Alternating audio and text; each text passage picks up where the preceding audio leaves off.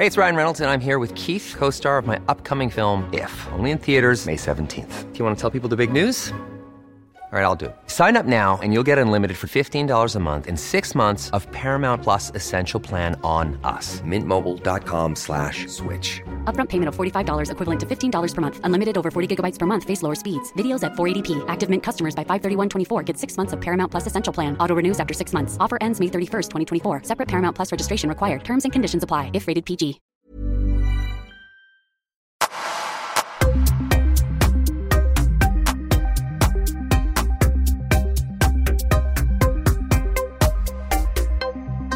Daniel Fridell, välkommen till Öppet sinne. Tack så du ha. Tack. Du är en gäst som jag faktiskt har velat haft med i den här podden väldigt länge. Ah, okej. Eh, för jag vet att jag redan pratade med, vi snackade lite om Stefan Mokase som var med i din film Älska mig. Just det. Eh, och redan där pratade jag bara, Daniel Fridell hade varit så otroligt kul att ha med. Ah, Och jag även pratat med Theo från Stockholm Storyhood också. Att det hade varit roligt att få med dig. Så äntligen, välkommen. Fan vad Tack, kul tack. att du är här. Skitkul att vara här. Ja, du är ju mest, alltså egentligen är du väl mest känd för, eh, för filmen Sökarna. Ja, det, det brukar vara den som alla kommer ihåg Ja. efter alla år. Och det är en väldigt eh, mytomspunnen eh, långfilm som eh, slog igenom stenhårt. Var det 93? 93, eh, 31 mars 93 kom den Ja. på bio. Hur var känslan att den gick på bio? Hur var känslan när filmen rullade igång? Fullsatt biolokal, vad tänkte du?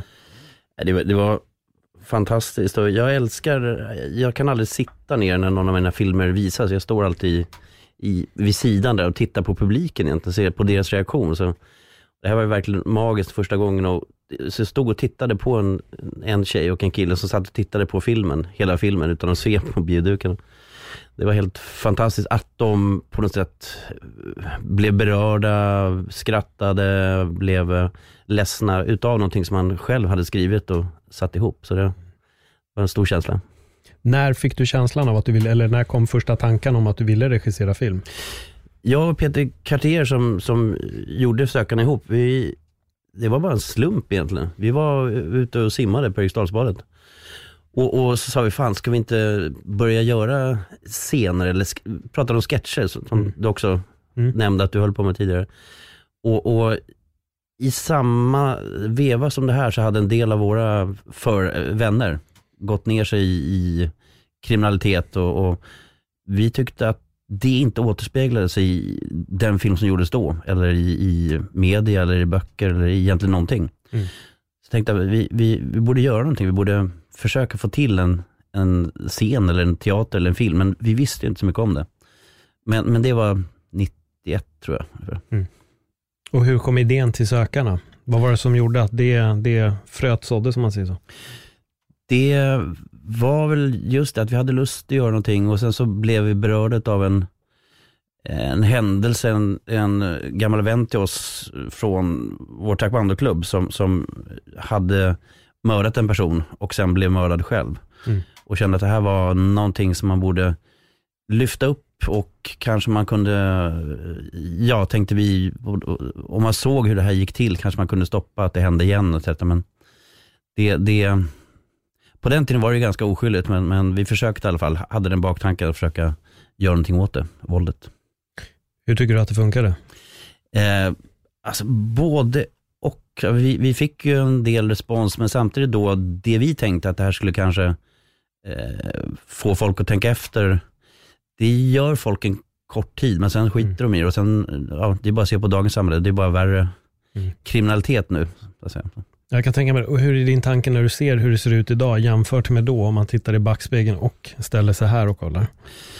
Ja, alltså ungefär som, då var vi lite naiva och trodde att politiker skulle bry sig egentligen. Och, Mm. och det, jag- det jag väl har sett, tycker jag, eller det man lärt sig genom åren, att de bryr sig mest om hur de ska bli återvalda nästa gång. Och, Mm. och, och tar nog inte tur med problemen så mycket som man borde göra. Hur, hur, hur vore drömscenariot att vi skulle kunna ändra på det? Vet inte, men eh, det, det är väl det vanliga att folk i allmänhet eh, mår bättre, starkare familjer. Mm. Det är väl ofta när det är de som man känner som har det gått åt helvete för har ju haft eh, problem med familjen och problem med, med kanske hitta sin plats i samhället. Och, ja. Mm. Men jag är ingen politiker så jag ska inte... Nej. Men jag tänker lite på sökarna, för det är en sån otroligt mytomspunnen inspelning, Mm. hela det här. Det är mycket, otroligt mycket Ja. kontrovers runt Liam Norberg. Ja. Hur, hur kom ni två i kontakt med varandra? Var lärde ni känna varandra?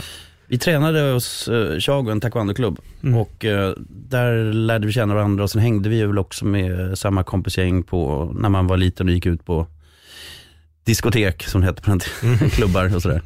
Eh, och vi märkte väl, vi var en grupp då, han och jag och några till som var också kreativt intresserade och inte bara ville träna och ut och, och på klubbar och sådär. Och, och vi började på Kulturama jag och Liam. Och, eh, men blev rätt bedrövade, eller, där, eller de de var så negativa till att göra film. Så Mm. vi tänkte, fuck that, vi, vi vill göra film. Så vi lånade istället kamerorna på kvällarna och så drog vi ut och gjorde piloten till Sökarna. Hur, hur lång blev den? Eh, 20 minuter film, var det första grovklippningen. Ja, 12 kanske, 13. Ja. Så vi visade för SF. Okej, och vad var responsen på SF?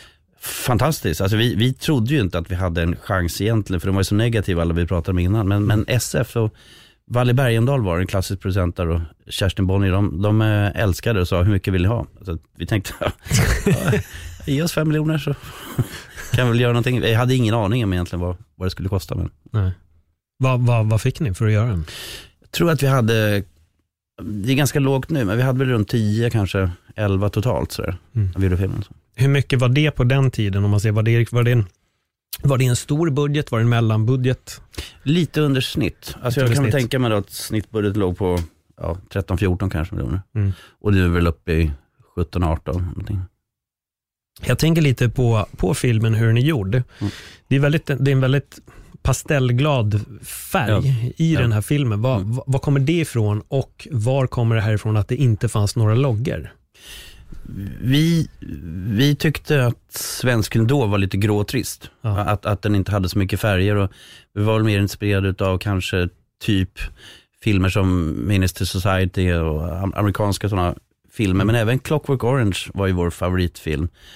Och i den så är väl inte det hyperrealistiskt. Vi ville frångå det lite för att i och med att kanske att vi på något sätt levde i verkligheten så vi skildrade själva eller hade gjort det eller Mm. sett det så ville vi ta upp det ett snäpp. Och det är en del som har eh, gillat det och en del har kritiserat det. Och, ja, men det var vår scenograf som hjälpte oss i alla fall att få till de här färgskalorna. Så.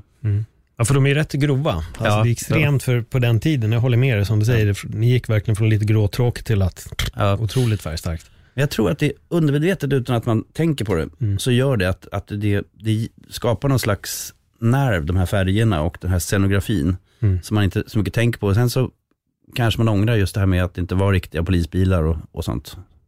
Det kunde nog, ja, vi kunde nog fått det också. Så. När, det är roligt när du säger det. När du ser om filmen idag, hur tänker du då?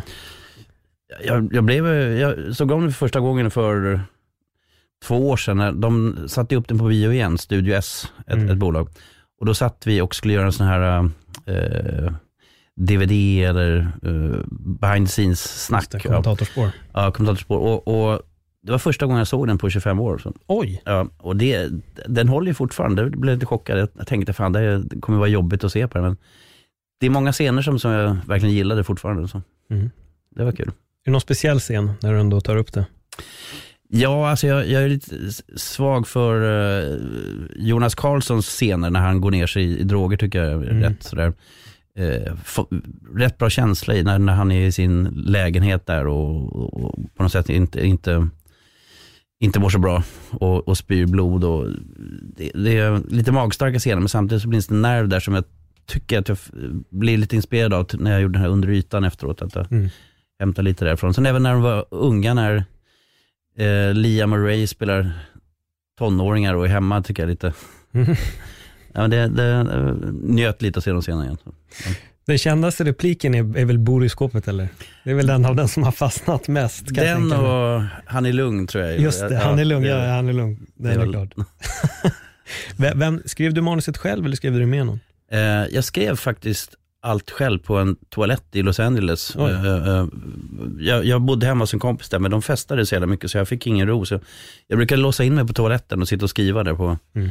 ovanför handfatet, märkligt nog. alla de här lite eh, galna replikerna skrev jag väl där i stort sett. Sen var väl, skiter på dig eller kanske? Ja, typ en del sådana också. Ja. ja. Men, men eh, en del skådespelare hade också idéer och vi hade bra liksom, samarbete. Så. Var kom inspirationen ifrån? Alltså just, nu tänker mm. jag bara så, sitta på en toalett och ja. få inspirationen. alltså var... Jag vet jag hade ju inte gjort film innan. Jag hade hjälpt till lite på en tv-serie. Med, vi jobbade med Fryshuset där. Mm. Höll på med någon sån här uh, ungdomsserie. Uh, och, och, tyckte att det var spännande. Men samt, när jag började, väl började skriva så kände jag att det var det här jag ville hålla på med. Att försöka få de här uh, karaktärerna att, att leva på, på sidorna. Att få de här svarta bokstäverna på något sätt att bli bilder, att bli scener, att bli verklighet. Den processen tycker jag var magisk och tycker fortfarande är magisk. Hur var din känsla första inspelningsdagen när folk levererade dina repliker? Ja, det, det, var, det var mest stressigt första dagen tror jag, för det var så mycket som vi inte hade koll på som vi försökte. Mm. De första tre dagarna, det gick inte att använda det materialet i stort ja, okay. sett. Men, men det var en jävligt bra skola, att bara kastas rakt in i det här. Alltså, Eh, men, men, när man väl kommit igång och när man kunde sitta och njuta av att höra bra skådespelare och eh, säga de här replikerna, det var ju fantastiskt. Mm. För jag vet själv, när jag också regisserat, ja. för mig är det ren magi. Det, det är en mm. surrealistisk känsla. Ja. Att höra folk säga det man har suttit och skrivit liksom x antal om månader eller vad det är innan. Då. Ja, det är verkligen ett eh, högre nivå av livet. Det, det är det man lever för tycker jag. Ja. Känslan när ni väl var klara Mal? Eller vilka problem uppstod på vägen? Som du säger, det blev inkast i det här. Det måste ha ja. uppstått ett gäng problem på vägen. Ja, alltså vi, vi hade ju, vi kom ifrån kanske en, eh, eh, vi hade problem med auktoriteter. Eh, eh både jag och Peter och, och Liam. Så vi kom ju kanske då i konflikt med en del i filmteamet. Och just för att vi var omogna och uh, inte visste vad vi gjorde. Mm. Och, och, så kanske vi inte var, uh, uh, ja, vi, vi kunde ju varit ödmjukare, känner jag efteråt. Så, så det hände att vi bytte team och producenter och fick stanna inspelningen just för att det uppstod konflikter. Så. Hur gammal var du när du började spela in? 21 tror jag ungefär. 22, tidigt. Ja. ja, det är ganska tidigt för långfilm tror jag. Så. Jag tänker just också som du säger där, att kanske vara lite omogen och problem med auktoriteter. Det är, det är en speciell ålder. Visst. Att vara 21 år gammal. Nu skulle jag vara mycket, ja, tänka efter mycket mer när man sa saker eller mm. gjorde saker. Och sen så, det man har lärt sig tycker jag genom åren, det är ens misstag. Men det, det förstod ja. jag inte riktigt då. Tycker jag. Då, då såg jag det mer som att uh, en personligt misslyckande istället för att se att, att här finns någonting att lära och göra bättre. Så. När fick du den insikten? Uh, kanske efter, efter den filminspelningen. Det var ju väldigt, väldigt mycket som jag lärde mig som man kunde göra bättre eller som andra var bättre mm. på och hur viktigt det är att kunna samarbeta med folk och att bygga sina team. Och att en film är ju eh, ingenting utan egentligen duktiga medarbetare och bra skådespelare. Och ju bättre medarbetare man har, desto bättre blir ju filmen. Så det, det har jag väl lärt mig att försöka jobba med de som är så bra som möjligt. Vad skulle du säga var det största hindret på vägen under den här inspelningen? Eh, det var vår oerfarenhet. Eh, eh, och där hade vi kunnat både spara pengar och göra saker bättre. Men å andra sidan, så, så man måste ju börja någon gång. Ja. Och det var ändå en väldigt bra crashkurs för oss som, som ändå på något sätt gick runt och lönade sig och blev ja, någonting. Mm. Jag, jag, kan verkligen tänka mig det. Mm. Och sen när filmen väl kom, jag menar jag har inte så bra koll på mm. innan, men jag vet ju efter. Och ja. det här var ju stort. Det här var väl under den tiden blev det väl en av de största filmerna antar jag, eller? Ja, den blev etta på alla sådana här biotoppar och, och, ja. och, DVD på den tiden, och, eller VHS var det på den tiden. Ja, VHS. Ja. Och det var ju, det blev någon slags kultfilm redan då, så, så det blev ju väldigt mycket men också kul och, och, och, inspirerande och vi fortsatte göra film och folk ville jobba med oss och, och eh, många ungdomar kände att den berörde dem. Och, så, men det, det var en väldigt eh, kul tid. Hur kändes det när allting var klart och den mm. hade uppnått den här statusen? Och du tänker tillbaka på dem mm. på Kulturama som mm. sa, nej det där kommer inte gå, det, nej, det där här kan inte göra och det här går inte. Ja, ja det, det känns väl ett kul att vi kunde bevisa att, mm. att vi, vi visst kunde göra film. Och jag tror att man måste försöka komma runt sådana här nej-sägare. Folk som, som på något sätt vill, vill eh, inte vågar. Vi, vi, vi tog ju många risker, många chanser också. Och, och jag tror att man måste göra det för att få till saker och ting här i livet. För det är något som jag verkligen håller med dig om väldigt mycket, för jag upplever att det finns så mycket folk som alltid ska förklara för en vad man kan och inte kan göra. Ja. Men sen när man väl tar tag i det som ni gjorde, så gick Mm. det. För tänk om ni hade lyssnat på dem. Ja, och, och där tror jag att vi, jag, jag har också försökt att, eller folk frågar mig om råd, hur gör man för att göra film och komma in i branschen? Och säga att det, man måste vara aktiv och göra saker själv och ta risker och våga satsa. Och satsar man inte 100% eller vågar man inte göra det, då, då kan man inte räkna med heller att någon ska bara hjälpa en in sådär. Utan, Mm. Förutom exempel som du nämnde med skådespelarna där inne. Ja. Ja men exakt. Och hur var det sen att hoppa på nästa film? Vilken var det? Var det 30 november eller var det under ytan? 30 november, i, i och med att det var också ganska mycket skandal i runt omkring sökarna och, och, Mm. och, och folk som eh, blev häktade och sådär, så, så fick vi väldigt väldigt mycket uppmärksamhet, men också negativ uppmärksamhet, som gjorde att vi fick svårt att få pengar igen för att göra film. Mm. Och, och samtidigt så hade vi en producent som tyckte att ni måste göra någonting kommersiellt för att kunna fortsätta i branschen. Och vi visste ju inte, vi hade bara gjort sökarna. Så vi tänkte okej, vi lyssnar på dem och, och så försökte vi hitta på någonting som kunde fungera på biografer och ja, som, som ändå var någonting intressant. Och då gjorde vi 13 november. För det är ju två väldigt, alltså de är jättelika på ett Mm. sätt, men otroligt olika filmiskt. Ja, och, Skulle jag nog säga. Den, den ena är ju mer fil, traditionell film med sökarna och det där Mm. färgglada. Liksom. Vad var det Mm. som gjorde att du ville gå mot det mer traditionella rent stilistiskt?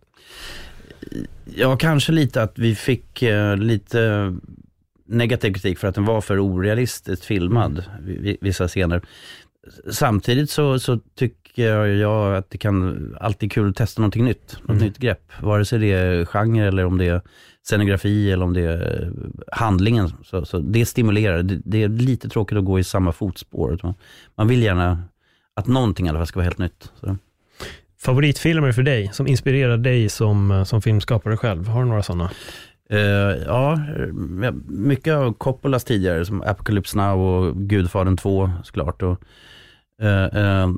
det, det var väl lite Kubrick också, vi, vi hade som mest inspiration när vi gjorde eh, Sökarna, alltså Clockwork Orange och, Mm. och eh, eh, men, men även 2001 är väl en min absoluta favoritfilm, tror jag. Det har jag sett ett par hundra gånger. Och Once upon a time in America är, är också en, en, en av mina favoritfilmer som jag kan se hur många gånger som helst. Vad är det med 2001? Jag vet inte, jag, jag kommer ihåg när jag såg den på Stureplan, på biografen som fanns där nu, hur, hur jag gick in där och bara satt där och var förflyttad till en, en helt annan dimension kändes en annan värld. Jag var bara helt uppslukad utav den där och kan inte förklara kanske den, men det var samma känsla som när man gör film, att se den Mm. filmen. Att man, man, var, man levde på riktigt. Så att säga. Jag måste se om den, för jag Ja. kan säga att jag tillhör de som inte gillade den alls när jag såg den. Ja, ja. Jag hade en diskussion med en kompis, jag förstod inte storheten. Men där tror jag nog också att det kan vara att, att se en film, i vissa Mm. filmer måste man se på bio. Ja. Och jag undrar lite om det kanske är en sån film, att första upplevelsen kanske är bäst, att få på bio, att bli in, Mm. indragen i den. För jag kanske såg den med otroligt höga förväntningar. Ja. Eh, så jag ska faktiskt ge den en chans till. Jag, ska, jag Mm. bestämmer nu med det. Jag ska se om den, jag ska se den igen och jag ska Visst. gå in med låga förväntningar och titta på den. Får du säga efteråt hur Ja, Men den, den, den har ju nästan ingen dialog och den bygger Nej. väldigt mycket på musik och på bilder och på, jag älskar ju science fiction också så jag, Mm. jag, jag blev ju frälst bara utav musiken och, och bilderna och bara satt och njöt. Så. Ja. Interstellar har ju också fått lite referensen som 2001, Christopher Ja. Nolans film. Har du sett Mm. den? Ja, den gillar jag också. Mm. Även om den inte riktigt är, tycker jag, samma mästerverk som, som 2001. Men det finns eh, mycket samma feeling i den och Mm. Nolan är ju fantastisk regissör Ja. också tycker jag. Så. Nej, helt otrolig. Mm. Vad, eh, alla filmer, hur många filmer har du gjort? Tio, Tio tror jag. tio Ja, stycken? Nio, tio. Ja. Hur gick det från film till film? För jag tänker, vad var reaktionen på, på 30 november? Eh, Sökaren var ju vår skolfilm, så där fick vi både folk som älskade och hatade den så att säga. Mm. 30 november blev ganska ljummen sådär, men där kände jag också att, att fan, jag hade ju aldrig gått i någon riktig filmskola. Nej. Så efter det så åkte jag till Berlin och gick med i Europeiska filmakademin och började plugga film.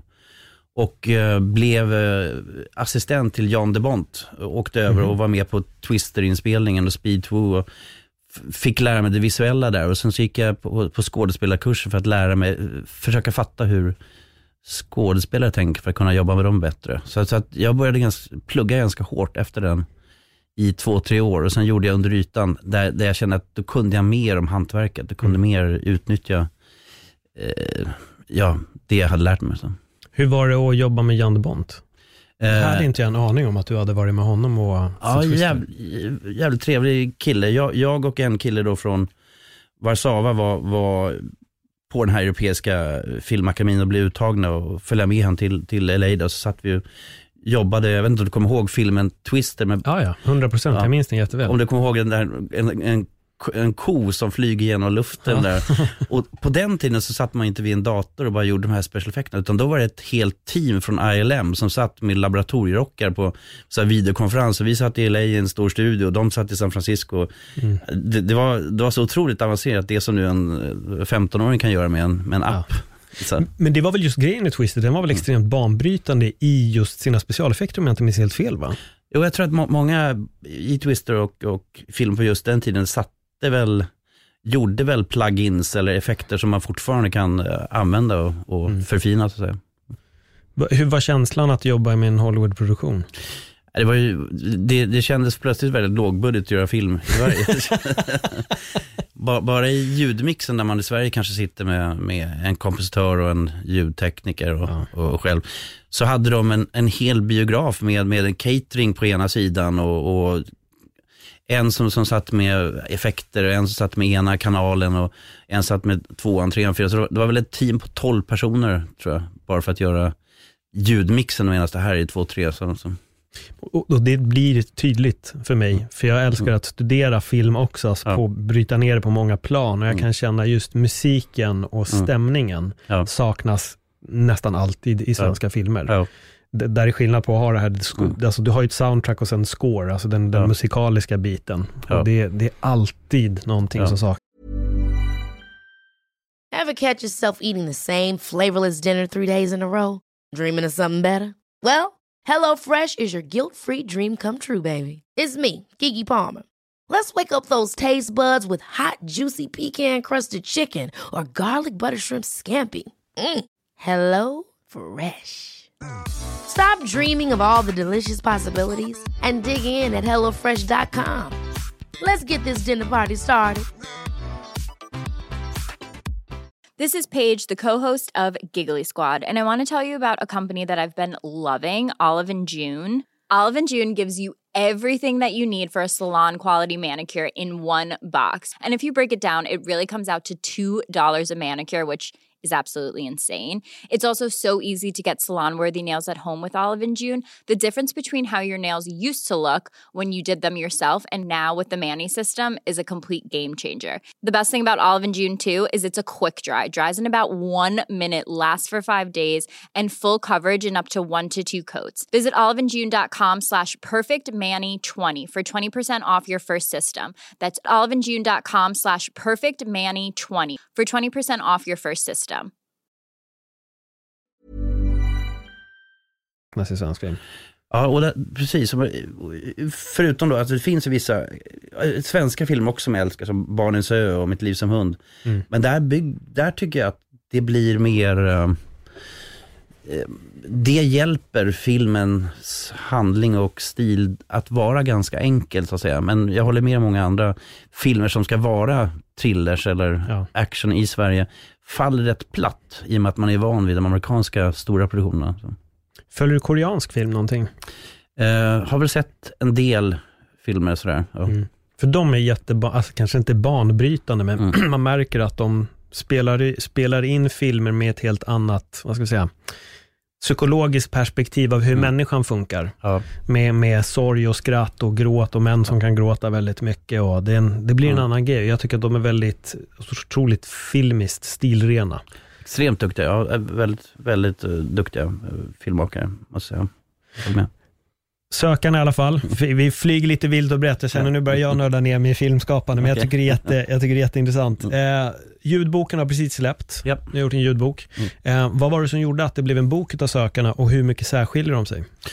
Eh, jag skrev först eh, en, en, manusversion, så kände jag att, att eh, det, det, skulle vara intressant att följa lite mer Jockes resa och, och hur han såg på saker, hans relationer och, och eh, även hans vänners liv. Så, att, så att jag skrev eh, vid sidan av filmarbetet och precis under klippningen, så skrev jag det också i novellform eh, eh och eh, visade för ett förlag som, som ville ge ut det här. Så att, eh, det kom väl till av en lust att berätta ännu mer. Mm.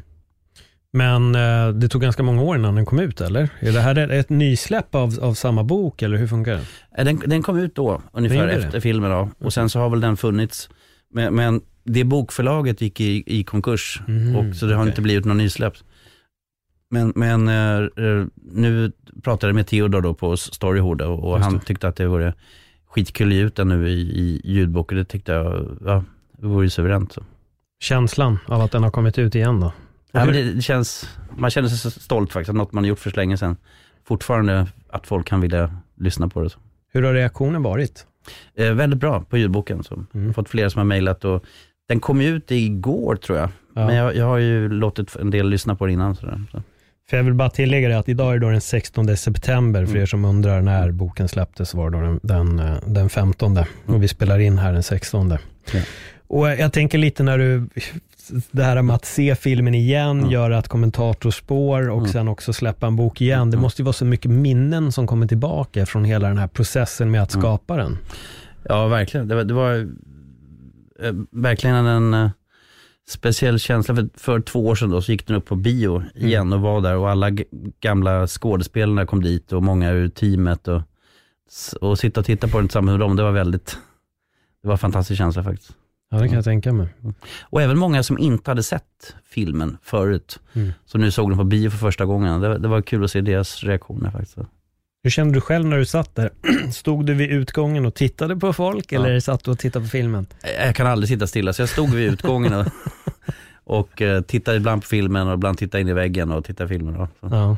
För jag vet att det är många regissörer som gör det där. Att okay. de vill hellre titta. Jag har hört några andra säga samma sak, att mm. de gärna står och tittar på folket istället. Ja. Jag, så, så, har jag varit med mina egna sketcher. Jag vill hellre mm. se hur folk reagerar än att se den själv. Ja, ja. Man vill ju se responsen på liksom, den konsten man har gjort på ett sätt. Verkligen. Ja, men det, det, själv så kan man ju filmen och texten ganska bra. Mm. Det är intressant. Man gör det ju för andra. Det ja. som... Du har gjort mer grejer, för senaste tiden, när gjorde du din senaste film? Det är ett tag sedan nu va? Ja, jag, jag gjorde en eh, serie om Lars-Inge Svartenbrandt för TV4 och Simor som gick, mm.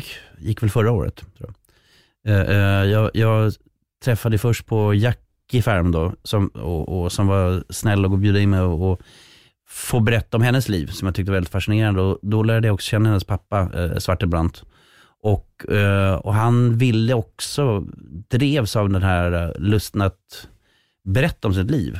Eh, och, och, han hade väl väldigt mycket han både skämdes för och saker som han ville skulle komma fram som han tyckte inte hade kommit fram om hans liv. Så vi började filma hela hans brokiga barndom och fram till hans död egentligen. Hur var det? Eh, det var väldigt gripande för han, han hade varit med om så otroliga eh, hemska saker när han var liten. Han blev både utsatt för, för övergrepp och otroligt misshandlad och bara som, som som barn. Och, mm. och, sen följa hans väg och se eh, tragiskt att det kunde gått bättre och att han också hade sån ångest för att han åsamkat så många människor skada. Det var, det var ett gripande så, att göra. Hur lång process var det att göra det här? Vi höll väl på i fyra år tror jag. Mm. Och, och, inte heltid då, men försöka följa det som hände i realtid med honom och också intervjua de som hade varit med på den tiden när han hade varit som eh, ja, våldsamma så att säga och även hans barndom, de som var med där. Vad är det som drar dig till den här typen av människor? För det finns ju en viss länk om man tittar på filmerna som du har gjort ja. och sen även Svartenbrandt då. Ja, jag, jag, jag, kände väl då att jag som kanske, kan man säga åskådare, såg människor mm. som eh, man kände att de borde inte behöva lida så här, eller de borde inte behöva få andra att lida. Alltså det, det, det måste finnas någon mekanism som gör att man skulle kunna göra det bättre. Jag tror att det var någonting, det var mitt intresse kanske, eller som, som också varit en nerv hela tiden. Mm. Jag, jag, tror inte jag nästan, jag har ju gjort lite komedi, men ofta så har jag inte gjort något projekt som jag inte själv blir berörd av, som jag tycker är, är viktigt. Vad ligger dig närmst om själen just nu? Eh, nu håller vi på och, och jobbar med en pilot för tv. Och jag håller på med eh, finansierar lite olika filmprojekt för att få ihop dem. I, I filmbranschen så är det ofta så att man behöver ha ett par bollar i luften för att, och det är väl säkert i Mm.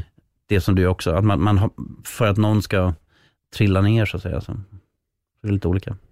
Hur är det egentligen att, att göra film på det sättet? För jag tänker, nu är du ändå, du har gjort dina filmer, du har en Mm. repertoar, det finns Mm. någonting att visa upp. Jag menar, folk vet vem du är kan jag Mm. tänka mig. Men hur svårt är det att ändå få göra nya projekt? Eh, ja, jag brukar säga att, att man får inte göra någonting, utan man tar sig rätten att göra det. För att det är ingen som kommer och ger dig pengar. Och, och det är ingen som, som eh, heller letar upp någon om du inte precis har gjort en, den största hitten. Eller? Så, så att det, det, det är nästan som att börja om från början varje gång, tycker jag. Eh, eh, vilket är också ett av skälen till att man måste ha flera olika projekt. För ibland så är det ju så att en viss typ av projekt är möjliga att finansiera medan andra ämnen kanske inte är något som någon vill gå in i. Så, så att man måste vara väldigt flexibel och jobba väldigt hårt, även om man, som jag, har, har gjort en del film innan. Hur var det att göra dokumentärserie? Från att gå från långfilm till att göra dokumentärserie? Ja, det var också en slump. Jag började med en kubansk dokumentär om El Medico, om en doktor på, på Kuba. Som jag blev också berörd av hans öde. Mm. Att hans, hans mamma var en väldigt eh, trogen Fidel-supporter och var med i revolutionen och med Che Guevara och Fidel upp i bergen och på något sätt försökte förändra ödet i Kuba. Och hennes son var hennes dröm att han skulle bli en läkare, det var det viktigaste för henne. Men han ville inte alls bli läkare, han ville bli en rapartist. Så han kom ju på något sätt i clash med hela Kuba, Kuba hela revolutionen och hela eh, eh, sin mammas dröm. För att han ville göra eh, reggaeton och amerikansk rapmusik. Vilket inte alls var något som revolutionen ville. Nej. Hur gick det för honom? Jag har inte sett den här dokumentären, men Eh, han, han eh, gjorde en jättehit som, som eh, blev en hit över hela världen och Warner Music i Spanien skulle ta ut honom på en stor turné och bokade affischtavlor och stora stadium och, och, och när han skulle åka ut på turné så blev han då, fick han inte åka ut just för att han var doktor också. Och på Kuba är det väldigt fint att vara doktor, så att, så att det, det är någonting väldigt stort där. Så, att- men, men det var svårt att vara doktor och musiker samtidigt. Så det, det var en, både intressekonflikt i hans hjärta, men ja, blev väldigt starkt, det berörde mig. Så att, Mm. så jag ville göra film om det. när var du gjorde den här filmen? 2006, 2007. Ja. 2006. Vad har du gjort efter det? Sen gjorde jag eh, den här dokumentären om Jackie Färm, pappas Mm. flicka. Eh, jag höll väl parallellt på med den här med och så gjorde den här Säg att du älskar mig. Den kom väl också där Just det. 2005 2006 tror jag. Och sen har jag gjort den här Svartenbrandt eh, av TV4 och Simor. Mm. Och så har jag skriva lite böcker. Så, ja. Mm, jo, men växelbruk. Ja, Mm. ja, men verkligen. Men de går ju ändå på ett sätt hand i hand. Ja, det, och brukar försöka mig på, på göra saker som berör mig och det råkar vara drama tror jag. Mm. Och människors öde. För jag tänkte säga att du älskar mig var en film som också fick väldigt stor eh, respons. Ja. Kommer jag ihåg. Vad, vad var det som gjorde, eller var kom den idén ifrån? Vi håller på att spela in eh, en klass för sig, en, en komediserie åt SVT, men, men som även hade en, en slags mörkare humor och nerv i, i vissa sammanhang. Och då var det en tjej bland statisterna där som, som blev påhoppad och, och, och eh, som, som vi misstänkte och anmälde att, att hon blev, de försökte dra in henne och utnyttja henne.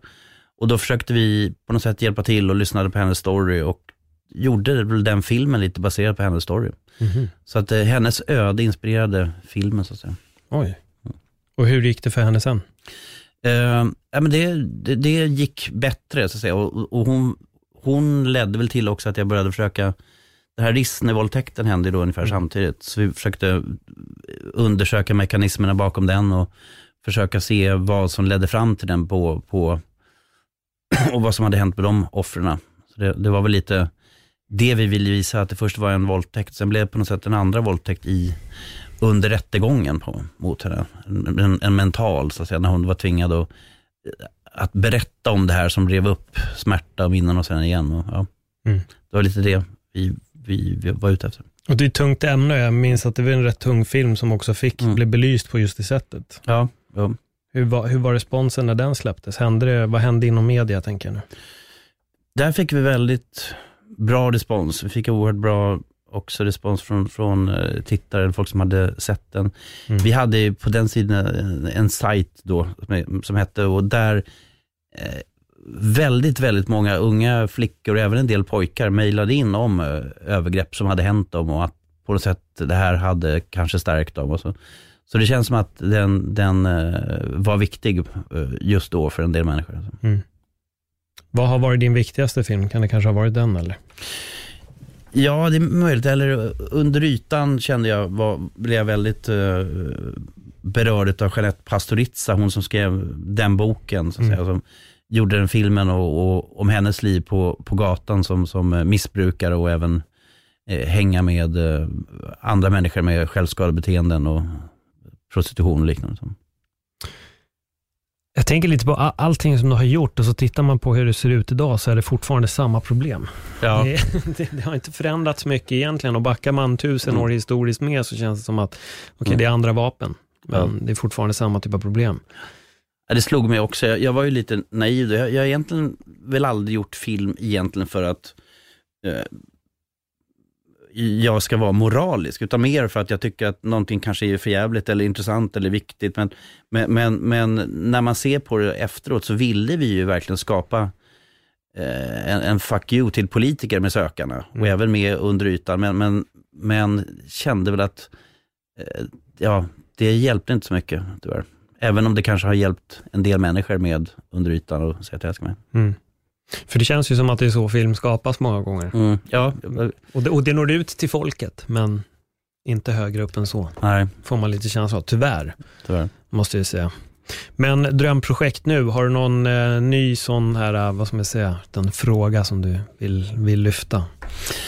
Ja, men ingenting klart ännu. Nej. Men, men eh, det det finns ganska många olika projekt som jag håller på med och försöker få Mm. in. Har du något projekt där bak som du inte fick igenom? Eh, ja, i, i en del projekt som jag håller på med nu Ja. har jag hållit på med i 10-15 år. Det, det tar oerhört lång tid för en del filmer att bli av så att säga, eller bli någonting. Ja.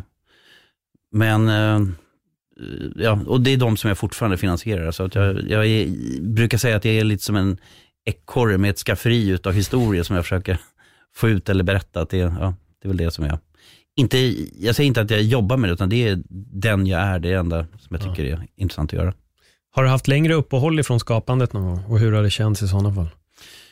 Jag har aldrig, eh, jag kanske från skapandet, i och med att det är så långa finansieringsprocesser Ja. ibland, så just här i början på 2000-talet så, så var det två, tre år när jag inte gjorde någonting utan bara var på möten och då kände jag mig helt fruktansvärt att jag inte hade någon mening med livet längre. Att, att det, ska det bara vara så här så, så då får det nog vara.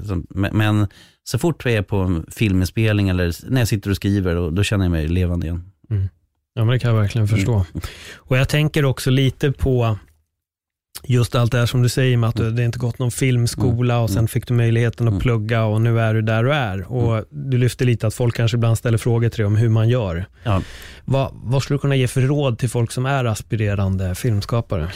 Ja, man ska inte göra det för att bli känd eller tjäna pengar. För, för det är, man, jag tror att man måste ha den här drivkraften att man bara måste berätta saker, att man blir berörd själv och vill beröra andra. Och har man bara det, då kommer folk att se det om, och, om man har en talang och en ärlig vilja.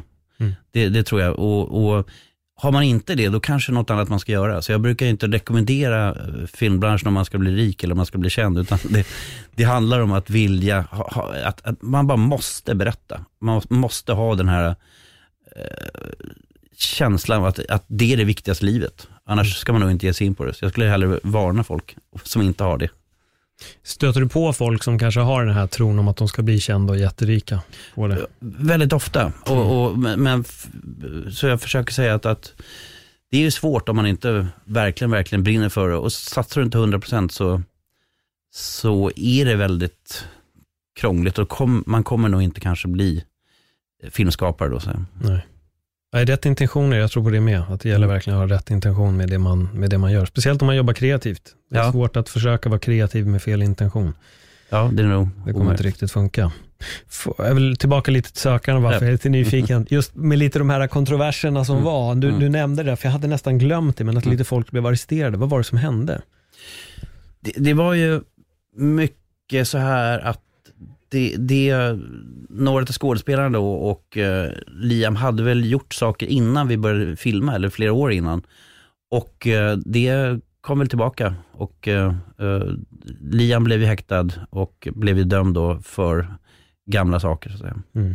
För satte det stopp för er inspelning, eller hur var det där? Eller var det här efter inspelningen som han blev dömd? Nej, det var efter inspelningen. Det var innan premiären precis. Så att det, Ja. det gjorde ju att, att det blev lite deppigt på premiären att han inte kunde vara där och, och eh, också media reagerade väldigt starkt på det såklart. Så, ja. Ja.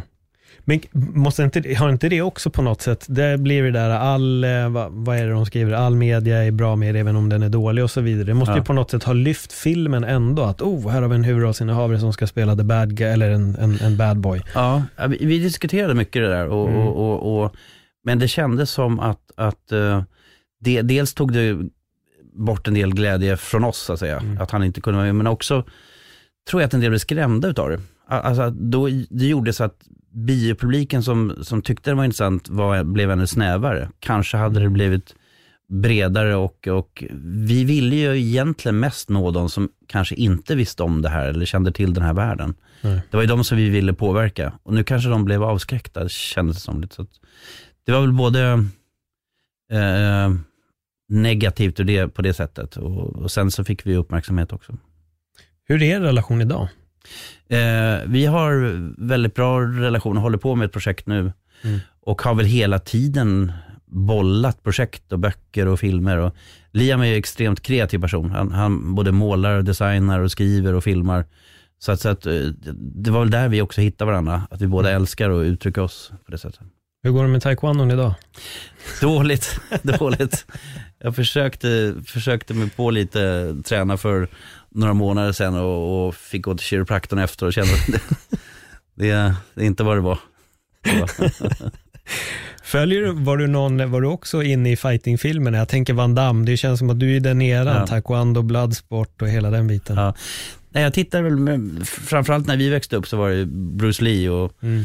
Och, och asia, andra asiatiska eh, actionhjältar som vi tyckte var intressant ur just fighting. eh, Mm. Sådär. Men, men jag var väl mest inne i, i taekwondo för, att- för att träna och för att man på något sätt var, ja, den tiden så tror jag att vi tränade faktiskt för att känna oss säkra. Mm. För att, för att eh, vi, man kom i konflikter och man behövde kanske kunna försvara sig. Det, det var väl det som gjorde att många utav oss började träna tror jag.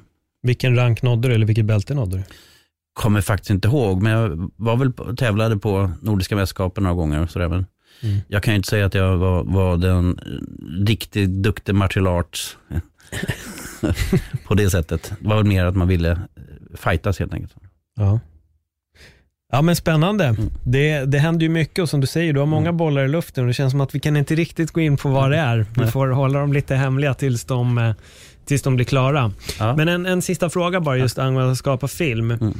Eh, Bland alla de här filmerna som du har gjort, Ja. finns det någon, någon speciell stund Mm. i form av att ge regi eller att vara on, on location som Mm. har stuckit ut lite extra för dig?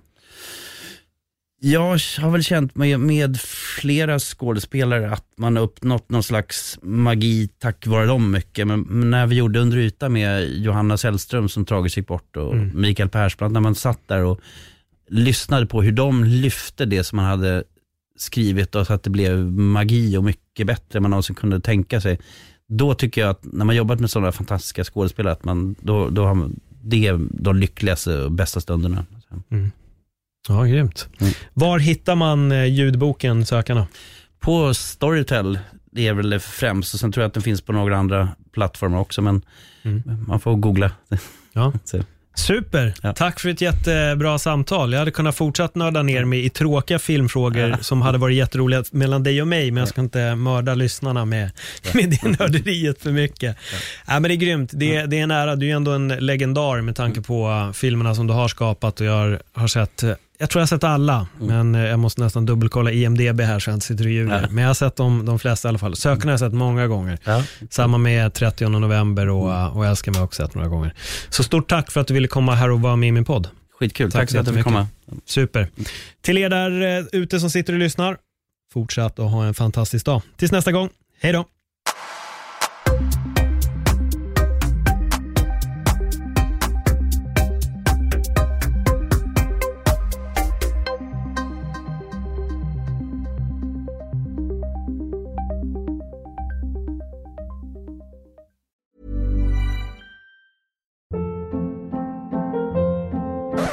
Hold up. What was that? Boring. No flavor. That was as bad as those leftovers you ate all week. Kiki Palmer here, and it's time to say hello to something fresh and guilt-free. Hello Fresh. Jazz up dinner with pecan-crusted chicken or garlic butter shrimp scampi. Now that's music to my mouth. Hello Fresh. Let's get this dinner party started. Discover all the delicious possibilities at hellofresh.com.